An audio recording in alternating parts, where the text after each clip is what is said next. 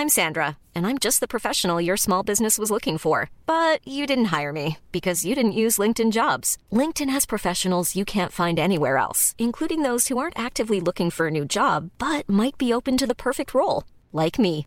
In a given month, over 70% of LinkedIn users don't visit other leading job sites. So if you're not looking on LinkedIn, you'll miss out on great candidates like Sandra. Start hiring professionals like a professional. Post your free job on linkedin.com/people today.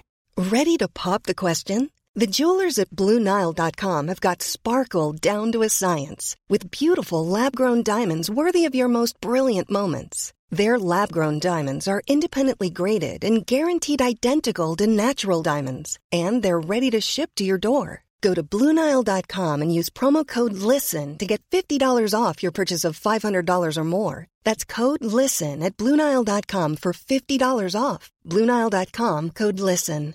Mom deserves the best, and there's no better place to shop for Mother's Day than Whole Foods Market. They're your destination for unbeatable savings, from premium gifts to show-stopping flowers and irresistible desserts. Start by saving 33% with Prime on all body care and candles. Then get a 15-stem bunch of tulips for just $9.99 each with Prime. Round out Mom's menu with festive rosé, irresistible berry chantilly cake, and more special treats. Come celebrate Mother's Day at Whole Foods Market.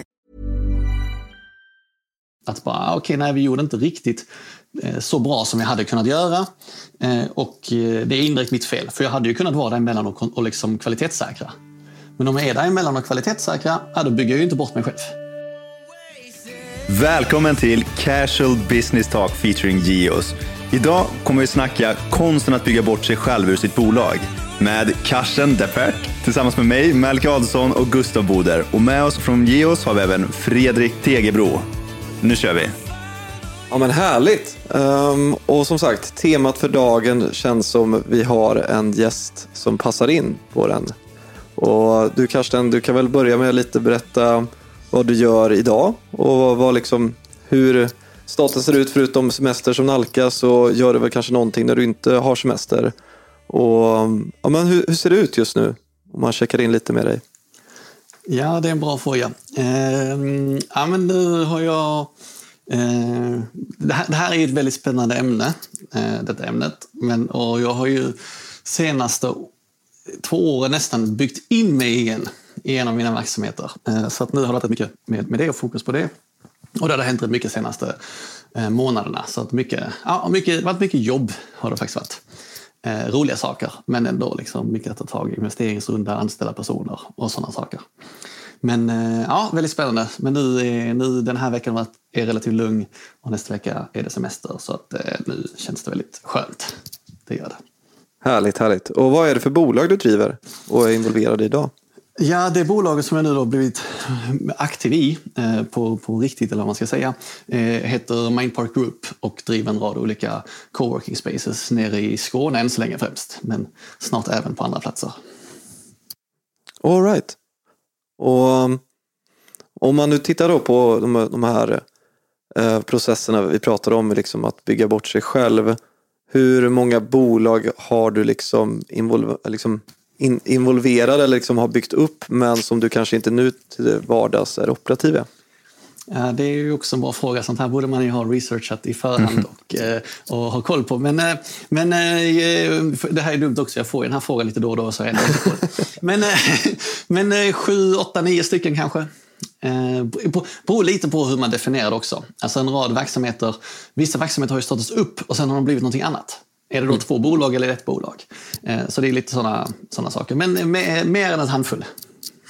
Och, där har vi då Mindpark, Contentor, E-commerce Park, Rescued, Nybrikt, Wellbify eh, och andra. Jag läste direkt här från din Instagram. Så. Ja, jättebra. Bra, precis. Ja, men precis. Där, har den, där har den en rad.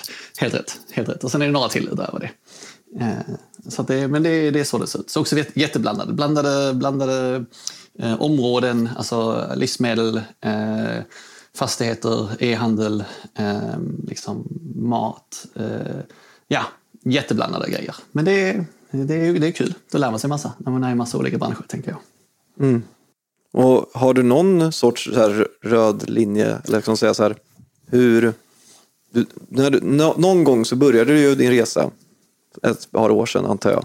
Och Ja.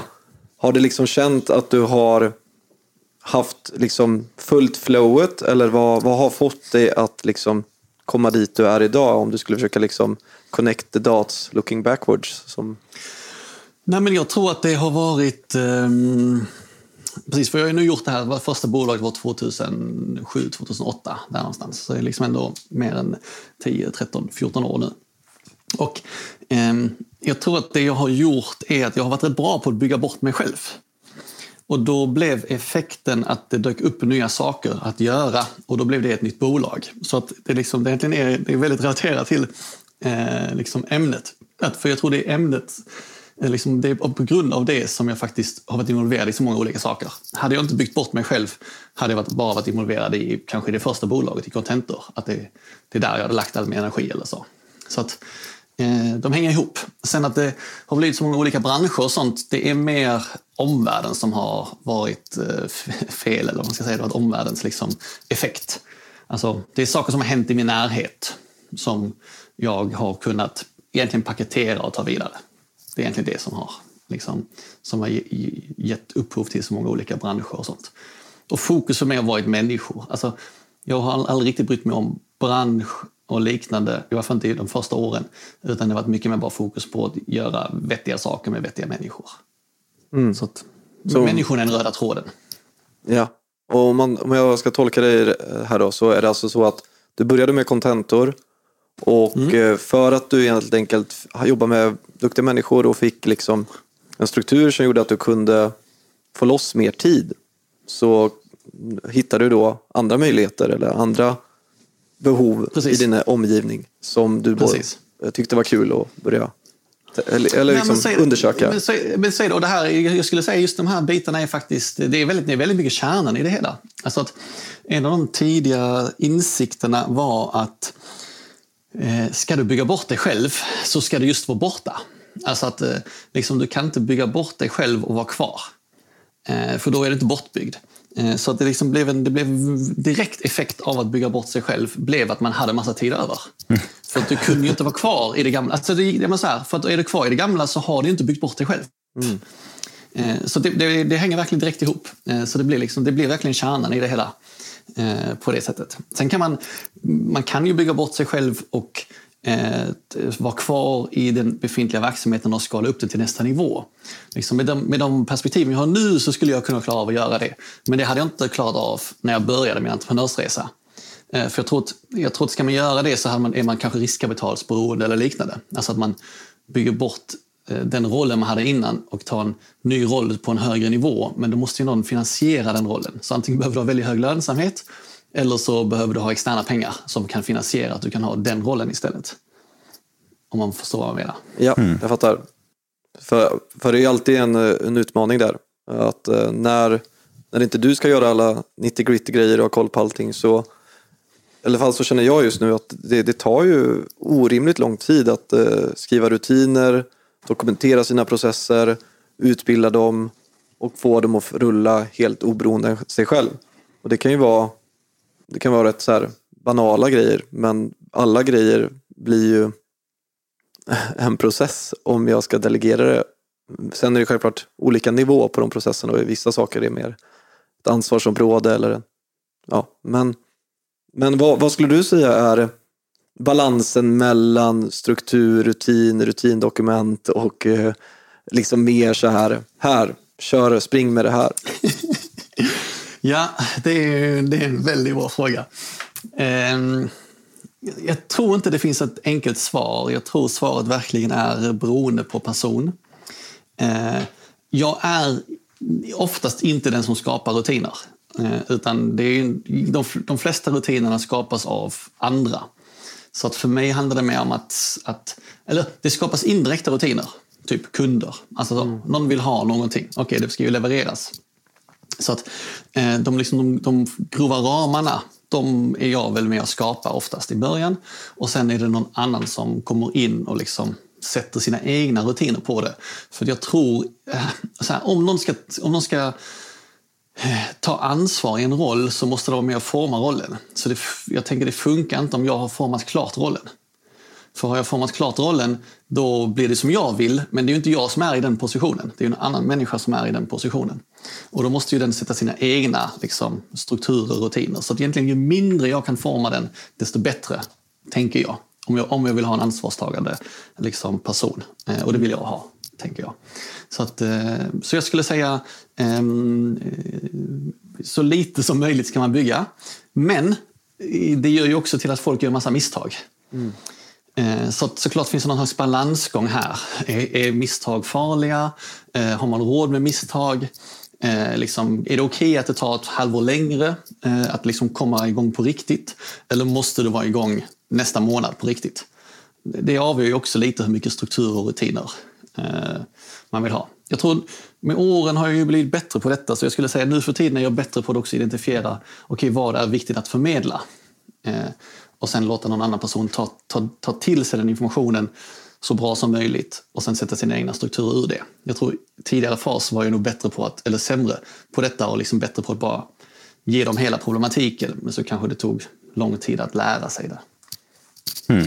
Men, men, jag tänker så här, när, när du drev upp Contentor och sen byggde du ut dig själv ur det. Hur, alltså hur kändes det att inte vara behövd där längre? Minns inte. Eh, jag tänk, när jag tänker på det nu så tänker jag skönt, men jag vet inte om jag tyckte det. mm. Men, men alltså jag tror för mig har det verkligen bara varit en, en tidig insikt liksom någonstans rätt tidigt så bara insåg jag det här. Vänta, ska det här bolaget växa så kommer jag ändå aldrig själv kunna göra allting. Jag kommer aldrig kunna ha kontroll över allting. För då kan bolaget inte växa. Liksom. Eh, så att det, jag kan ju lika gärna ha, ha så lite kontroll som möjligt och ha, låta andra ha kontroll istället på liksom att, att vi levererar till kunder och att, att allting funkar och sådana saker. Eh, så jag tror att, jag, vet, ja, jag skulle vilja säga att det nog kändes rätt skönt men såklart är det lite eh, alltså, alltså det jobbiga är ju att man har kanske startat någonting med sina egna värderingar eh, eller sina egna liksom principer och sen kommer någon annan in och har ju inte exakt samma värderingar eller exakt samma principer som du har.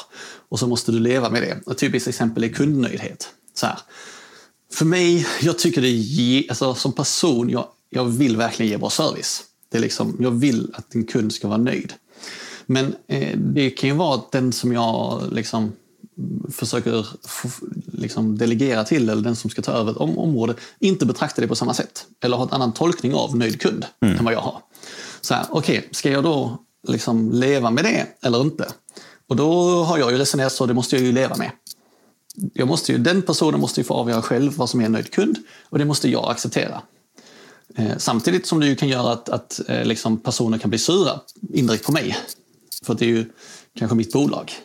Som om vi tar Contentor i tidig fas till exempel. Det hände ju det några gånger. Att bara, ah, okej, okay, nej vi gjorde inte riktigt eh, så bra som vi hade kunnat göra.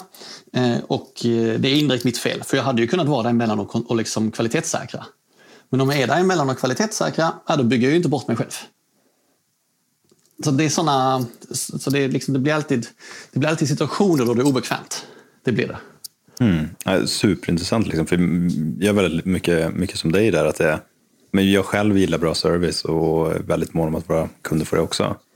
Men mm. inte tänkt på det att det blir liksom en, en, en bieffekt av att man eh, ja, inte driver bolaget längre själv.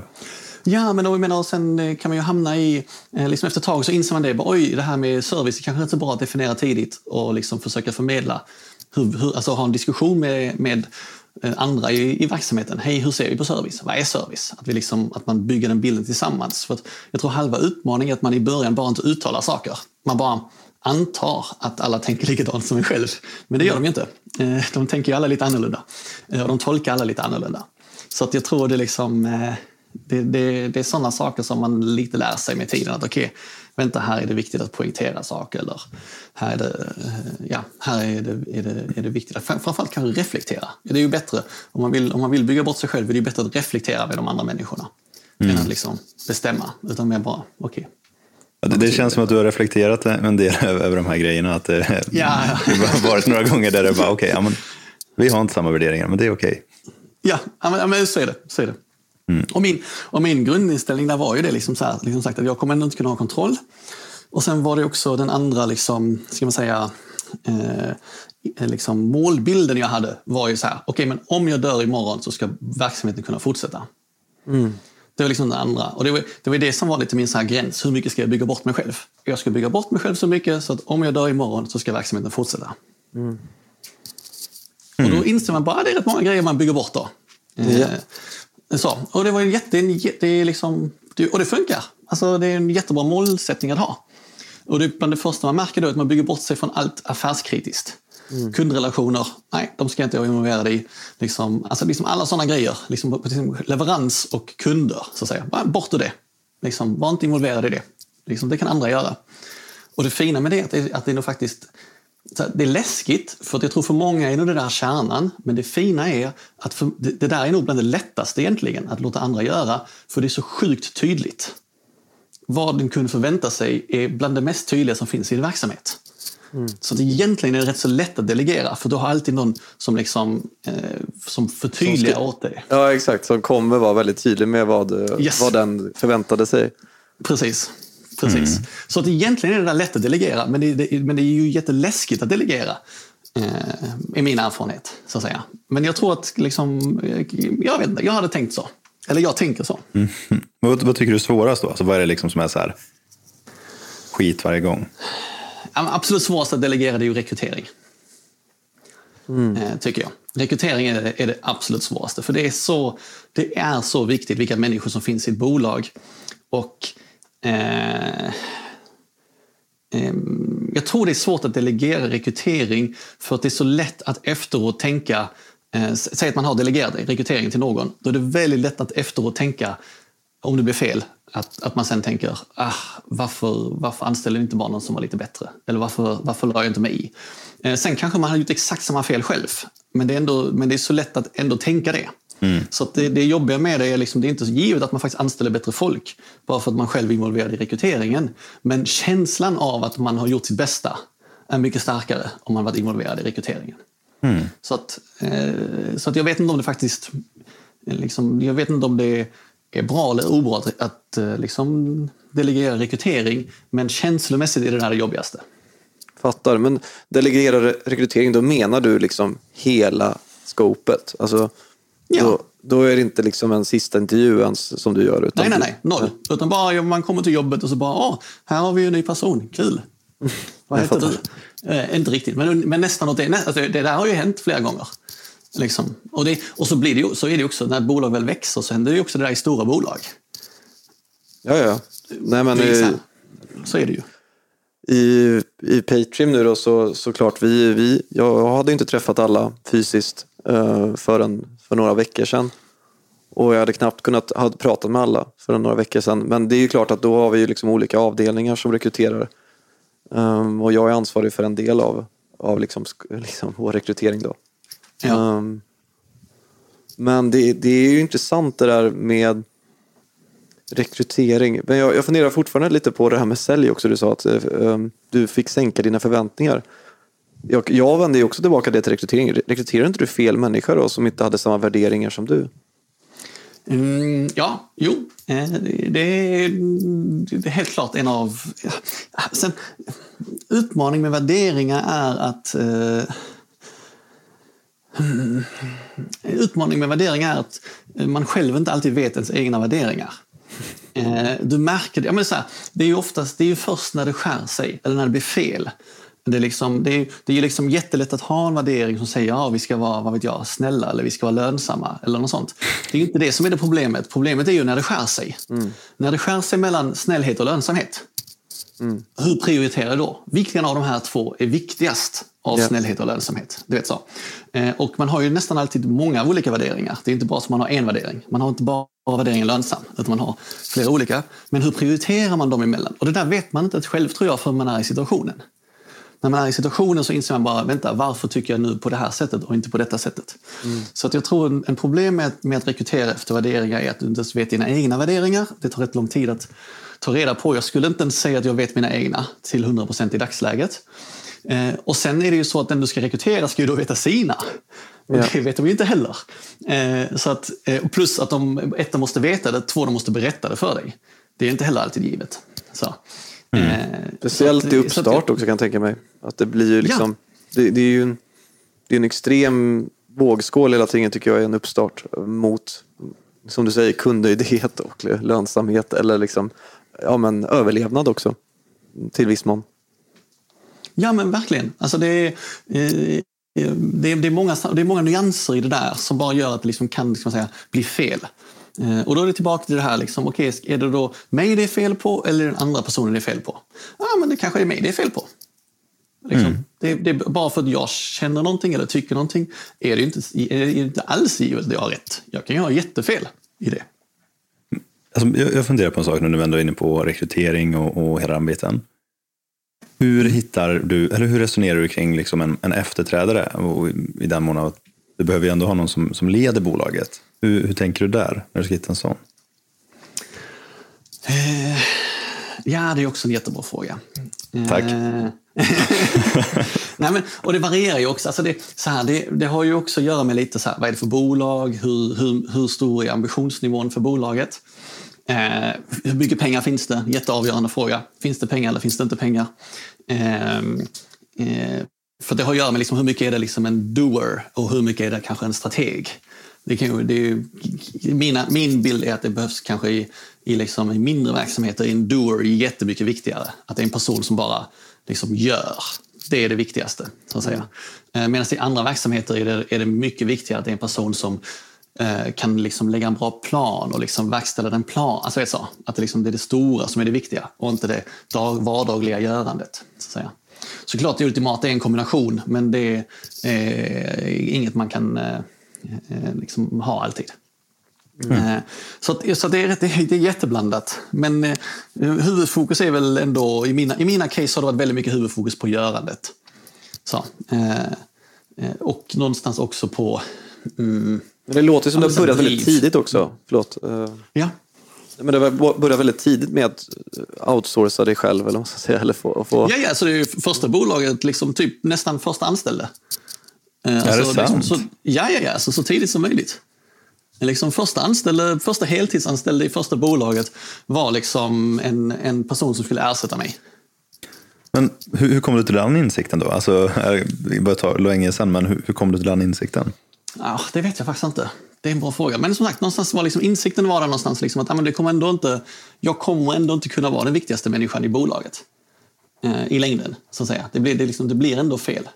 Plus kanske ihop med lite existentiell kris. Just det här med liksom, vad händer om jag dör imorgon? Mm. Så att, det, jag har ingen aning liksom, om det var någon bok eller någon, någon viss grej som inspirerade mig. Men de tankarna var, de kom där väldigt tidigt. Eh, och det, alltså, eftersom jag gjort det här ska man säga, så länge så Mm, har ju både sett många olika varianter göra det på och man lär sig ju varje gång.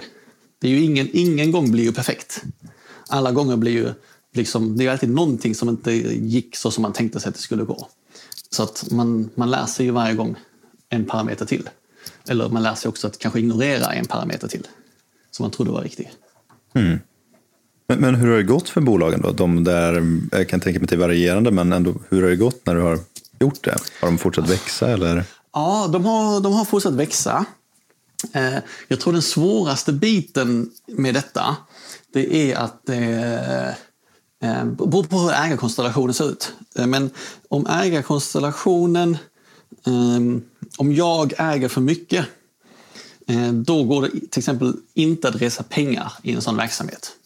Eh, och då växer verksamheten organiskt. Och det, går, det är jättebra. Det är fint med verksamheter som växer organiskt. Men det hade kunnat växa snabbare om man hade kunnat ha eh, eh, riskkapital till exempel i dem. Så det är en sån här faktor som, som avgör eh, ja, men några bolag är ju 25-30 miljoner i omsättning.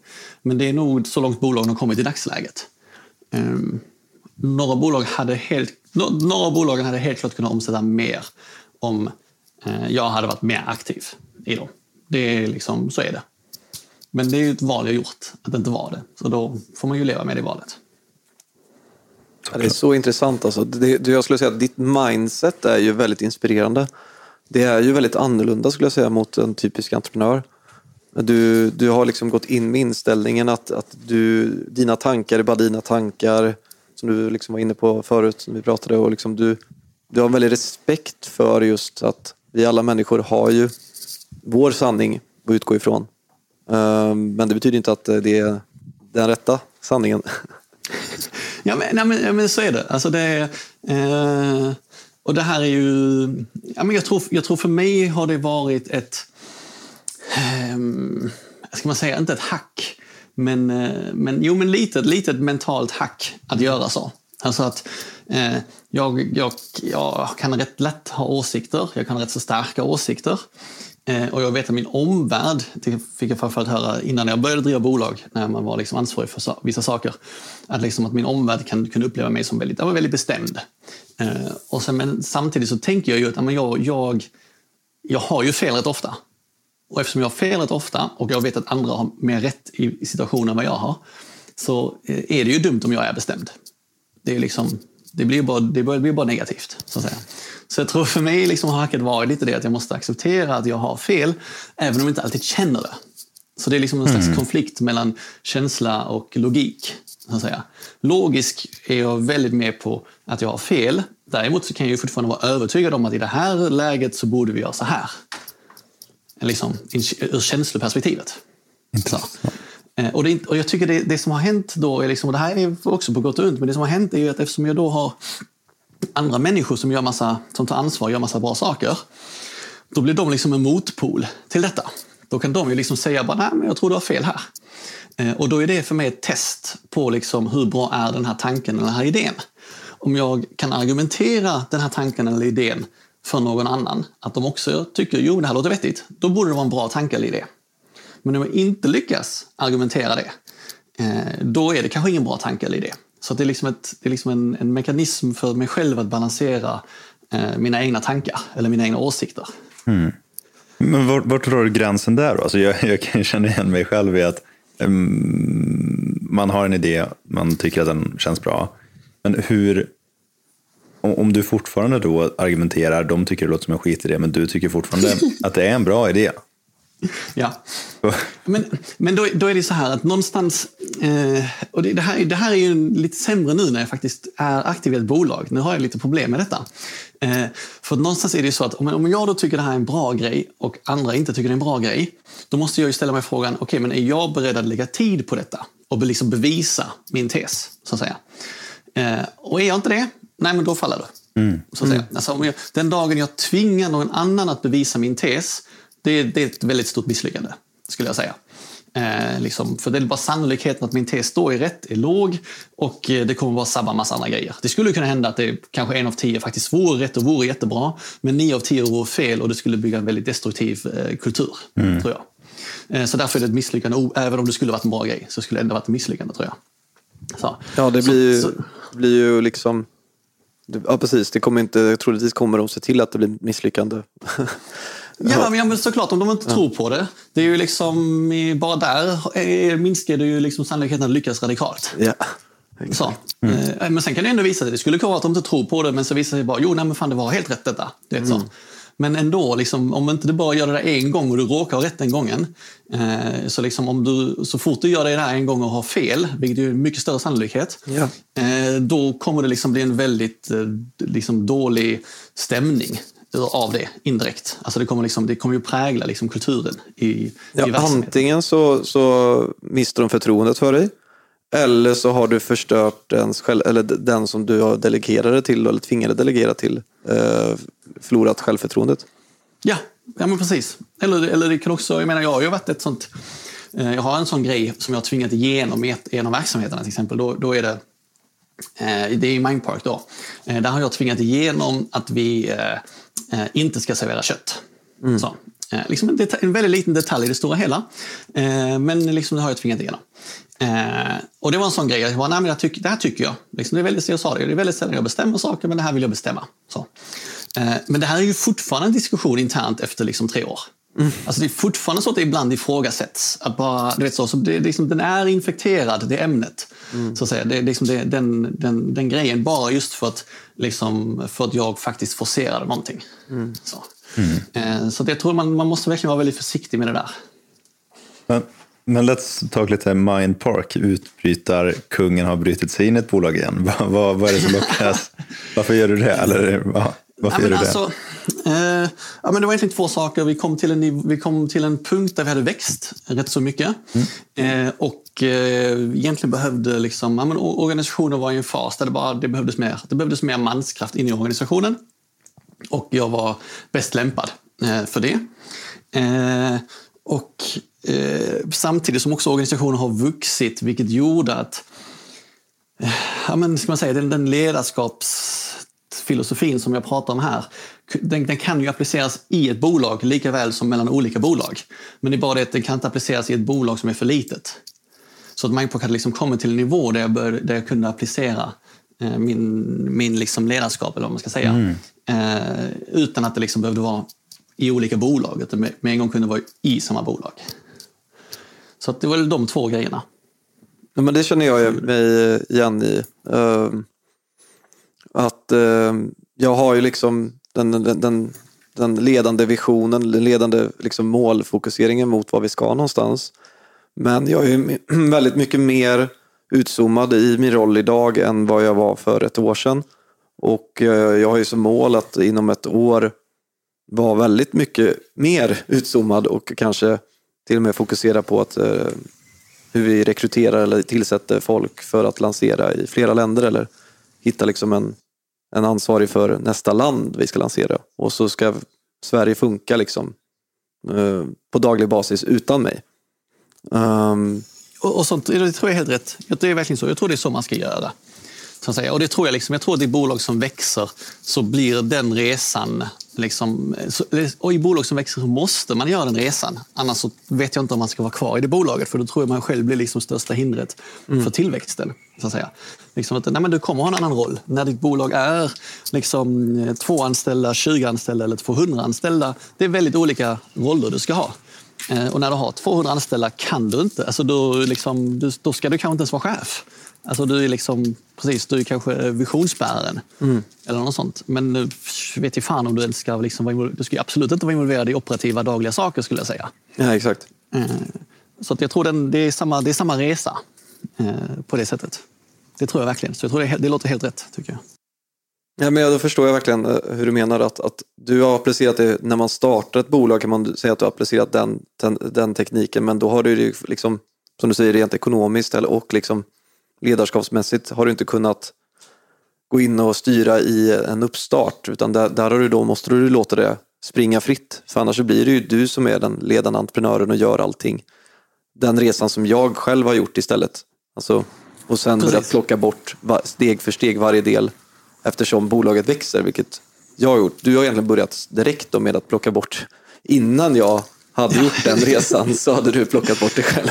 Eller förstår du vad jag menar? Precis, och jag tror, och jag tror någonstans här, liksom, om man ska, vara liksom så här, ska, man vara, ska man ha ett retroperspektiv och tänka så här, vad är bäst? Så tror jag egentligen nog att det bästa är just att kunna kombinera de här båda. Det bästa är ju att vara kvar i bolaget så pass länge så att du liksom sen kan gå över till en sån här mer liksom, bygga bort sig själv-roll.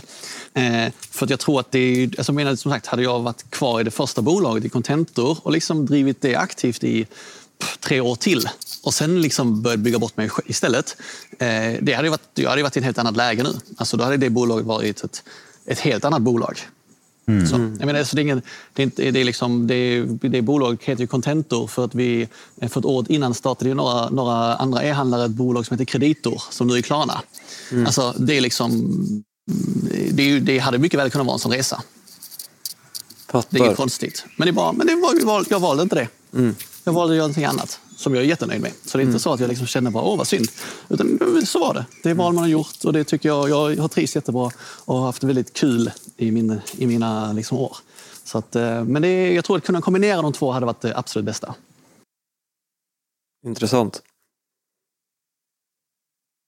Jag tänker så det knakar nu, för eh, det, det är intressant just med att kunna bygga bort sig själv. Eh, jag tänker just att du, du hade fick, det var i Contentor du fick problem med just uh, vegankost. Uh. Nej, det var i Mindpark. I Mindpark. Ja, det var i Mindpark. Okej. Okay. Ja. Okay. Men, Men, och det är, ju liksom, det är ju lite känsligt för att Mindpark är ju också restauranger och kaféer. Mm. Så, liksom, så jag, liksom, jag, får ju anställda som måste hantera kundklagomål. Varför vi, liksom, vi, här, vi sitter till exempel i samma hus som eh, Boost.com har ju sitt huvudkontor i samma hus som vi har. Eh, och det är rätt mycket danskar som jobbar på Buskerholm, för det är dansk-svenskt. Typ. Så att säga. Och de förstår ju inte varför liksom vi inte serverar eh, kött. Det, liksom, mm. det går inte. Det är liksom, de, de, de förstår inte det. Eh, och då är, det liksom, eh, då är det ju anställda som måste hantera det, den frågan. Så det är därför mm. den också, liksom, såklart den är infekterad för den kommer ju upp ja. lite hela tiden. För den gör ont helt enkelt.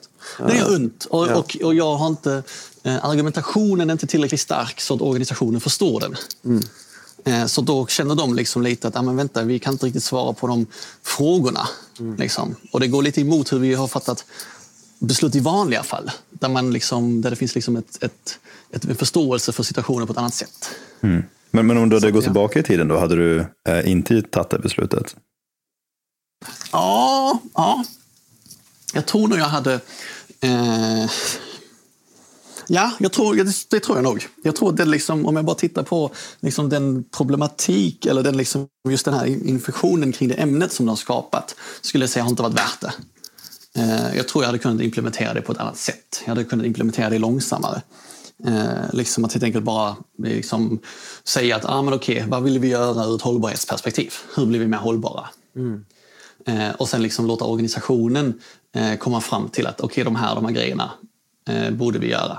Och det hade, mycket, hade kunnat resultera i att vi faktiskt serverar kött. Det hade kunnat resultera i att vi eh, slutade, sluta, eh, vad vet jag, med, med bara med nöt, nötkött till exempel. Eh, eller det hade kunnat resultera i att men vänta, alla möbler vi köper in i second hand-möbler istället. För möbler verkar uppenbarligen vara rätt så stora utsläpp också. Så det hade kunnat vara andra grejer. Så att säga. Så att jag, liksom, jag gjorde lite det resonemanget för mig själv, kom fram till någonting själv och eh, eh forcerade in det i en verksamhet. Mm. Eh, och då blev det liksom eh, inte lika väl mottaget som om verksamheten själv hade liksom reflekterat kring detta. Mm. Och liksom kommit fram till någonting. Vilket är logiskt när man liksom pratar om det så här, såklart. Men, men var du verksam i bolaget då? Eller? Uh, nej, då var jag inte riktigt verksam i bolaget än. Vilket också nog var en sån grej som lite spädde på det. Att liksom, här kommer jag, jag, inte, jag, inte, jag är inte operativ i verksamheten och jag tycker till om någonting som ställer till med lite problem. Mm. Så, dålig. Så det är därför lite det här med att bygga bort sig själv. Ska du bygga bort dig själv, då måste du verkligen bygga bort dig. Mm. Liksom. Du, du, kan inte halvbygga bort dig. För jag tänker fördelen med att inte helt bygga bort sig, det är ju ändå att, eller så här, jag tänker just på just uh, stora beslut och att man måste med sig organisationen. Fördelen med att man kanske har varit den som byggt upp allting från start och kanske nu är liksom i ett fas där man kanske inte tar det, gör de dagliga sakerna. Eh, men man kan ju ändå så då ha förtroendet för hela sitt team som ska springa med de här dagliga tasksen som man kanske beslutar om över dem, om man nu säger så. Eh, kommer ju de kanske ändå så lita på för att de känner att ja, men det här kommer från eh, liksom, Gustav och det här, det här känns rätt. Liksom, för han har koll. Så man, man bygger på något sätt upp också en sorts kredibilitet i själva organisationen om man har uh, jobbat från start. Så det är väl en, en fördel som man ja. kanske förlorar också. Ja, men precis så är det ju. Alltså, man är ju lite en, man är ju en person i periferin om man har byggt bort sig själv. Eh, så det är ju, det, som sagt, med, med, liksom, med det jag vet nu så skulle jag ju säga att det hade varit Liksom, om vi tar Contento då. Liksom med det jag vet nu så skulle jag säga okej, okay, jag hade kunnat bygga bort mig själv och sen istället säga bara fan vi ska ta in riskkapital och så hade jag kunnat jobba med den biten. Mm. Till exempel. Och så hade vi kunnat bygga ett helt annat bolag eh, för att vi hade kunnat ta in pengar. Mm. Eh, och då, har jag varit, liksom, då bygger jag ju bort mig själv ur det operativa. Ja. Men, då, men jag bygger inte bort mig själv ur det strategiska. Yes. Det, det, det, svarar fortfarande inte riktigt på min äh, fråga, vad händer om jag dör imorgon? Nej. Kommer det klara sig då? För att äh, nej, om jag bygger ett bolag på riskkapital så kommer det inte klara sig. Jo, det kommer klara sig imorgon, men det kommer ju dö om ett halvår äh, när pengarna är slut. så att säga. så den är, liksom, den är inte lika stark ur, ur det perspektivet. Men om man bara pratar liksom bygga bort sig själv så tror jag det, det kan vara bland det bästa man kan göra. Sätta igång mm. någonting, få, få själva ska man säga, maskineriet att funka utan att du är själv är involverad och sätta liksom fokusen på att okej, okay, hur skalar vi detta? Ja. Och det var egentligen det ni var inne på också, där, men okej, okay, men vänta, nu har vi fått det här maskineriet att funka i Sverige.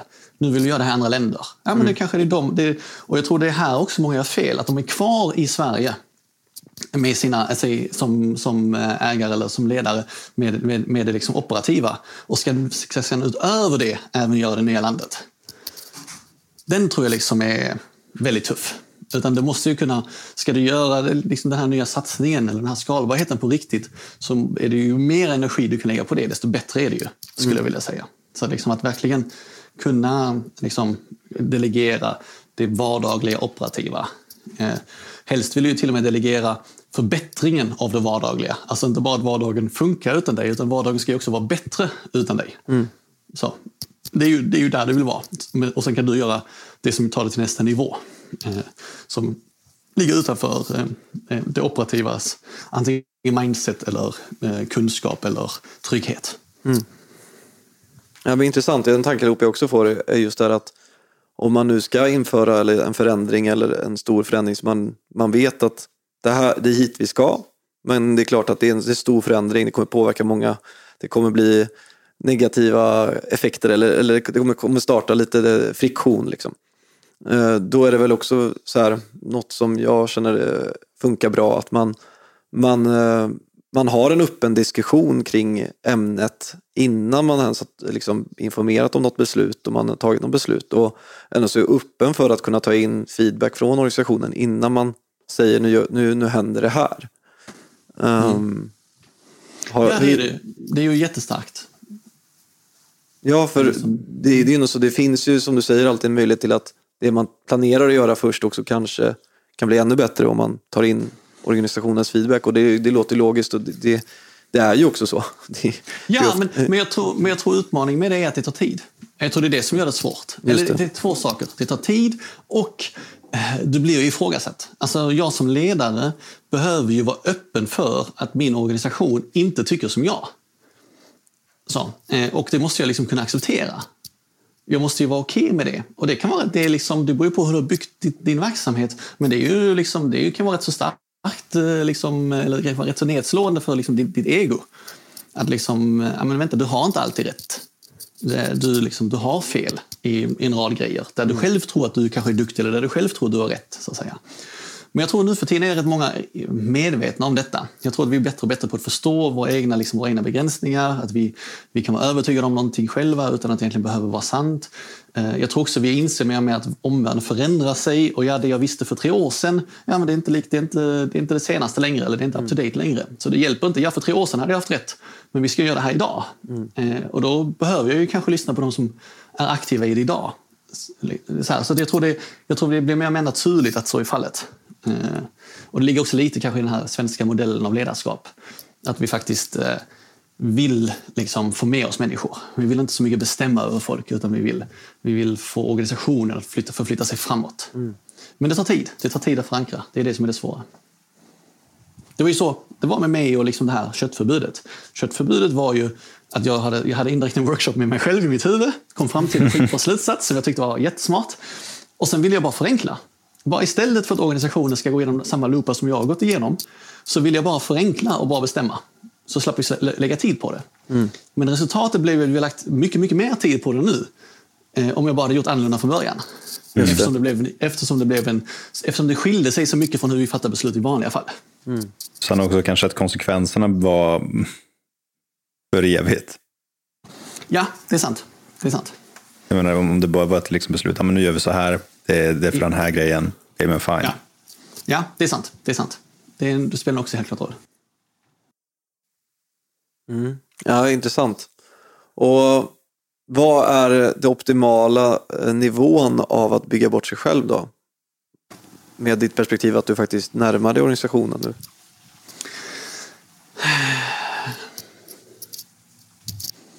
Ja, det är en bra fråga. Det är en bra fråga. Eh, jag, jag, vet inte, jag tror det är lite upp till... Alltså, det, är ju, det som har hänt är ju samtidigt också att ens egna... Så här, jag förändras under tiden. Liksom jag, tycker, jag tycker vissa saker är roligare nu än andra saker. Eh, jag, eh, alltså vet, så det är många sådana aspekter som spelar roll. Så jag tror liksom att bygga bort sig själv eh, jag, eh, någonstans är det ju så att ju mer du kan bygga bort dig, desto bättre är det egentligen, tror jag, för dig som individ. Ehm, men det finns ju såklart någon slags balansgång mot att när det är eh, liksom, när du kan för långt borta.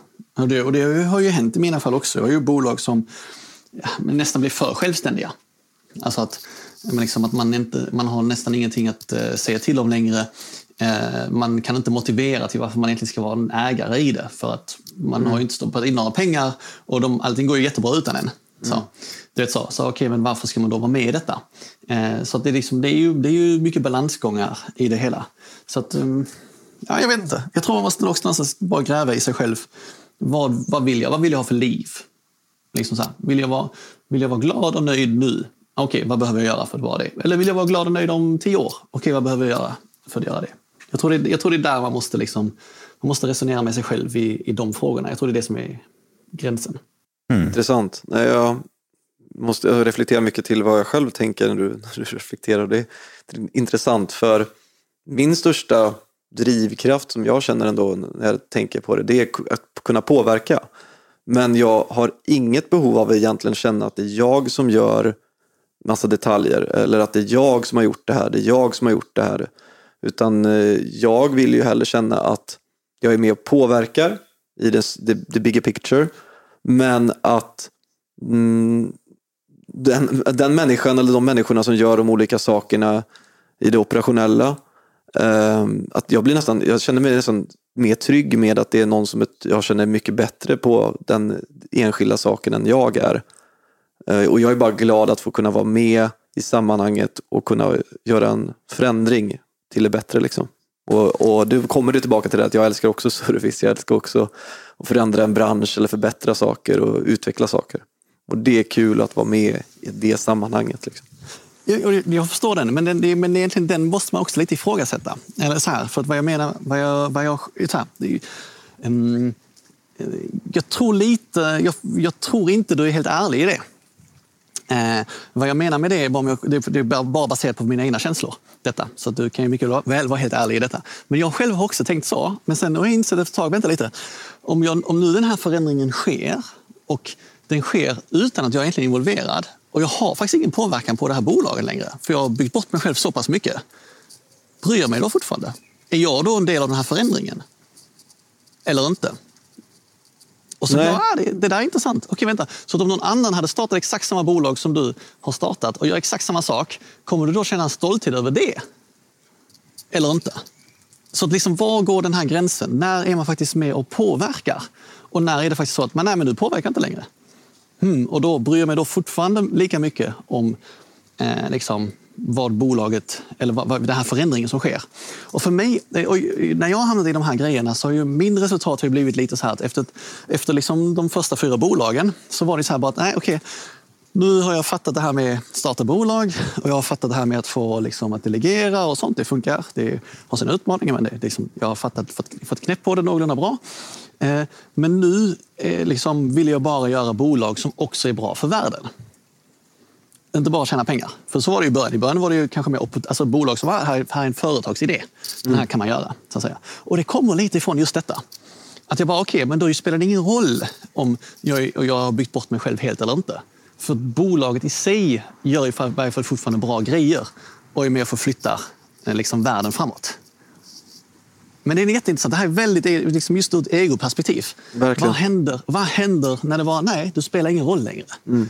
Oj, det känns med en gång så bara, ah, det är inte lika kul då. Det är, mm. det, är, det är ändå kul att spela roll. Det är kul att vara viktig. Så att det, det, det, är väldigt intressant, liksom, den här, eh, var går den där gränsen? Liksom. Ja, men jag skulle kunna definiera det ganska tydligt, för jag, eller kanske ska omdefiniera det jag sa. Då. Alltså det, jag menade ju att jag vill vara med som ledare, som en trygg ja. punkt i organisationen och leda bolaget genom den här förändringen. Um, och gick som på något sätt då ge den balansen som kanske organisationen behöver för att orka ta sig igenom uh, hela tiden nästa steg och nästa nivå. Ja. Att inte nya sig, att hela tiden vara den, den uh, jobbiga personen som liksom aldrig ger sig. Liksom. Uh, ja. Så gör att organisationen inte heller sätter sig på, på, ja, men, på, på, på läktaren utan verkligen också går ner och gör jobbet igen. För om man ska vara krass så är det ju väldigt många stora, stora bolag idag som, som har väldigt många på läktaren. Eller liksom, som inte tillför så mycket för den framtida utvecklingen utan bara se till att det kommer in pengar till, till aktieägarna. Ja, nej, men det är helt sant. Och det är ju precis, och där blir man ju där blir det också väldigt mycket så här, just precis, men hur, hur viktig är den här visionäriteten? Hur viktigt är det liksom att ha den här mållinjen eller den här riktlinjen att hit ska vi, det här ska vi göra. Och sånt. Men jag vet fan, alltså, det, där är, det där är väldigt spännande. Jag, vet, jag tror, tror, tror ju tyvärr också att vi är lite för amerikanifierade. Alltså vi, vi, vi tror ju att den här ena personen är viktig. Liksom, vi tittar för mycket på eh, liksom, amerikanska förebilder, så här, Henry Ford eller Steve Jobs eller Elon Musk eller något sånt. Och bara, ja, men det är den här personen som, som gör det. Vilket jag tror är bara en, en, egentligen en, en, en försköning. Det är liksom en del av det amerikanska storytellandet. Mm. Att det liksom är ett individfokus, individen är det viktiga. Eh, Medan det är ju inte så i verkligheten. Vi vet ju alla att det inte är en person som gör det. Det är Nej. alltid en stor organisation som gör det. Och massa människor som liksom mm. kämpar. Och massa människor som kanske kämpar lite i det dolda. Alltså som inte, som inte vill vara synliga. Verkligen. Så, så, och jag, så jag vet inte riktigt hur viktigt är det där egentligen. Jag, menar, jag kan ju titta på då bolag som... Menar, Rescue Fruit är ett jättebra exempel eh, i min värld. så att säga. Det är ju jättetydligt vad vi ska göra. Vi ska, bara, vi ska rädda så mycket frukt som möjligt. Så. Eh, och det är skitlätt. Alltså det behövs, behövs ingen visionsbärare. Mm. För, att liksom, för att liksom företaget är liksom lite en visionsbärare i sig själv. Sen kan det finnas nyanser i detta.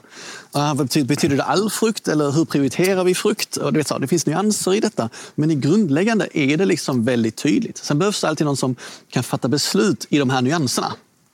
Det behövs ju någon som kan säga att nu prioriterar vi de här frukterna framför de frukterna. Så, för att annars har du ju en oändlig diskussion om vilka frukter vi ska rädda och inte rädda. Mm. Så att säga. Men det behöver inte vara samma person. Det kan mm. vara en annan person som väljer det här nu och så kan det vara en annan person som väljer det om tre år. Inga konstigheter. Det. det kommer gå jättebra för bolaget ändå. Men. Så att det, det, det, där är intressant. Liksom, hur viktigt är ja, det? Det är jag inte svar på detta, men jag bara tycker det är intressant. Nej, men det är superintressant. Jag, jag, jag, jag har också fightats med det jättemycket och tycker också så här insikten kring att men det, kan, det är inte en person som är ett bolag utan det är otroligt många personer. Och det, vi är ju inte en, en individ som människoart utan vi är ju Eh, en flock, en flockdjur. Eller ett, en, ja. Eh, eh, liksom, vi är ju byggda för att samarbeta och ha olika skills och stötta varandra och blöta tillsammans. Och, jag menar, som världen fungerar idag så är det ju helt fantastiskt hur, hur inkopplade vi är tillsammans. Liksom. Så jag håller helt med dig. Men och sen å andra sidan då så, mm. så är det ju ändå så att om en liksom bricka faller så faller alla. Och ja. därför så krävs nog en väldigt stabil bricka eh, för att inte liksom det, om man nu har låst fast kan man säga en organisation i en nivå och ett budskap, en vision. Mm. Och, och, det kommer ju funka tills den dagen att omvärlden händer någonting med. Så ja. drastiskt. Så att de här fastlåsta funktionerna i bolaget inte längre funkar. Ja, ja, ja. Och då är frågan, finns det en stabil bricka som ser till att alla står stadigt ändå? Ja, det där är ju en jättebra fråga. Och jag vet inte, alltså, uppenbarligen har ju vissa organisationer löst det där. Alltså om du tittar på Eh, ja, men det, är väl, ja, men det är egentligen intressant. Ett intressant amerikanskt exempel som inte är så amerikanifierad eh, är IBM. Mm. Eh, liksom så, förändrats jättemycket under, under massa år och har ju ingen tydlig ledare, som jag förknippar med det i varje fall. Du vet så, det är inte den här, den här ena personen som fattar de här avgörande besluten och vänder det här bolaget. Det är ingen Steve Jobs som kommer in och säger nu ska vi tillverka telefoner. Mm. Utan faktiskt en organisation som fattar beslut och förändrar sig. Så med olika ledare fortfarande, men olika ledare. Frågan är om de inte har det ändå. Alltså det, är här, det kan vara så. Mm. Alltså, det kan ju troligtvis, alltså, det finns också en bok som jag tycker om väldigt mycket. just uh, Good to Great, om du har läst den. Um, Nej, jag har inte, tror inte jag läst den. Den handlar mycket om ledarskap och den handlar om det verkliga ledarskapet. Det, det ledarskapet som mm. organisationen litar på. Och inte det som ser, man ser på medien, eller med, i media. Och så tar ja. han upp jättemånga dåliga exempel och jättemånga bra exempel på ledarskap. Och så har han liksom tagit massa data på typ 20 år av data på hur bra bolag gick, eller 30 år av data. Och baserat det på typ så här, få fram en scoring på hur bra ledaren i bolaget, eller dålig ledaren var i bolaget. Mm. Uh, och sen har han liksom intervjuat tusentals av alla de anställda och som jobbat i det här bolaget den här tiden och frågat vad tyckte du om den här ledaren och vilket påverkade den dig och så vidare. Mm. Och då kom han fram till att uh, de flesta ledare som, som faktiskt leder bolaget på riktigt och som har kan man säga, organisationens kredibilitet eller liksom förankring, den här stabila dom, dominobrickan. Liksom. Mm. Um, de gick ju bäst. Och det var oftast ledare som inte syndes eller hördes så mycket i media. Och det var oftast sådana som inte liksom gjorde så mycket väsen av sig externt. Och så ofta som var beredda att ta en större smäll om bolaget också gick dåligt. Eh, Så det handlar ju mycket om det här ansvar och ledarskap, eh, tror jag ändå, i slutändan. Ja, men, men jag, tänk, jag tänker ju också att det, det, jag skulle förvänta mig lite att den typen av ledarskap också är ett väldigt inkluderande ledarskap. Ja, absolut. Alltså det, det är ett inlyssnande ledarskap som faktiskt tar till sig vad tycker organisationen? Okej, vad borde vi göra nu? Okej, vi borde nog gå hitåt. Och kanske inte vad tycker styrelsen, för den brukar oftast vara... Nej, men du har helt rätt. Tänker jag. Det var precis den pointen var också. Men det krävs ju den personen. Den, den Ja. personen behövs ju. Det är det som är Ja. roligt. För att Ja. Det måste ju vara någon i slutändan som tar ett beslut och säger nu gör vi så här. Eh, och det beslutet kanske innebär att nu gör vi så här. Alltså att eh, antingen så sänker alla sin lön med 10 procent eller så går vi i konkurs. Men det finns ju också, det finns också en, alltid en alt, annat alternativ eh, som man eh, kan säga och det är att vi sparkar 40 procent. Alltså där. Ja. Ja. Ja, nej, men så är det. Så är det. Vet. Sen, sen, är det ju, sen finns det ju också organisationer där de här besluten eh, tas... Ja, men jag, vet inte, jag, tror, jag håller med om det. Det, finns, det behövs någon slags stabilitet. Det behövs någon som eh, eh, ger det, den... Det kan, ju det kan ju utan problem vara att sådana beslut fattas av organisationen. Men det måste ju fortfarande då finnas en sån pass stabilitet att organisationen vet att de kan fatta den typen av beslut. Ja. Alltså att, det inte kom, att det inte kommer in någon och säger ni har ju tänkt fel, nu gör vi så här istället. eh, för då, då funkar inte det, så att säga.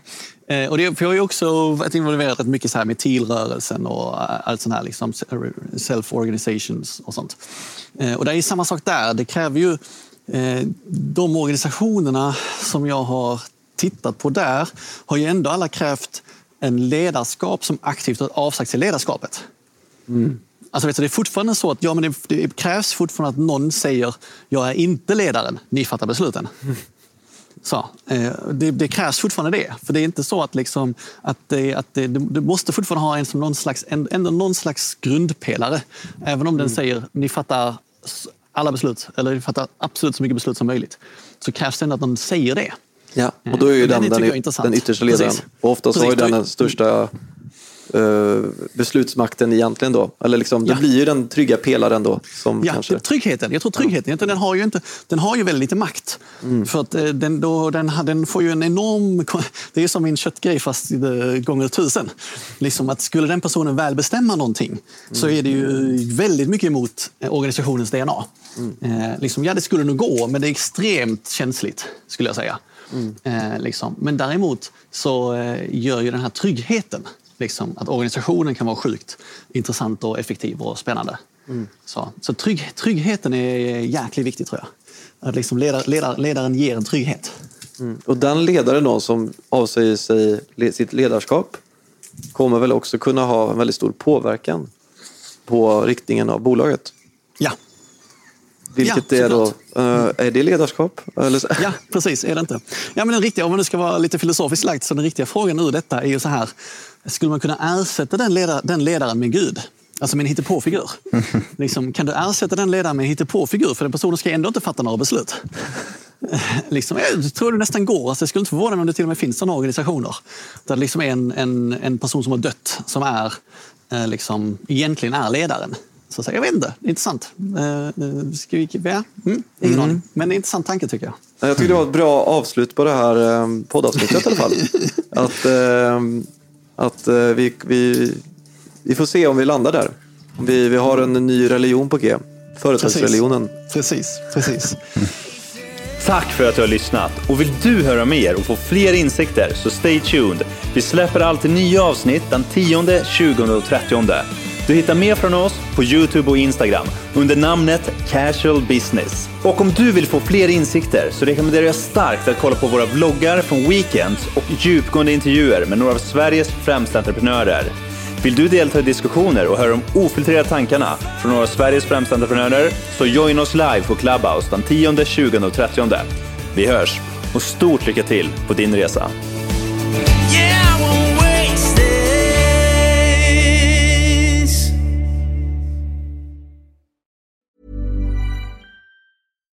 Deserves the best, and there's no better place to shop for Mother's Day than Whole Foods Market. They're your destination for unbeatable savings, from premium gifts to show-stopping flowers and irresistible desserts. Start by saving 33% with Prime on all body care and candles. Then get a 15-stem bunch of tulips for just $9.99 each with Prime. Round out Mom's menu with festive rosé, irresistible berry chantilly cake, and more special treats. Come celebrate Mother's Day at Whole Foods Market. Want flexibility? Take yoga. Want flexibility with your health insurance? Check out United Healthcare Insurance Plans. Underwritten by Golden Rule Insurance Company, they offer flexible, budget friendly medical, dental, and vision coverage that may be right for you. More at uh1.com. Mom deserves the best, and there's no better place to shop for Mother's Day than Whole Foods Market. They're your destination for unbeatable savings, from premium gifts to show-stopping flowers and irresistible desserts. Start by saving 33% with Prime on all body care and candles. Then get a 15-stem bunch of tulips for just $9.99 each with Prime. Round out Mom's menu with festive rosé, irresistible berry chantilly cake, and more special treats. Come celebrate Mother's Day at Whole Foods Market.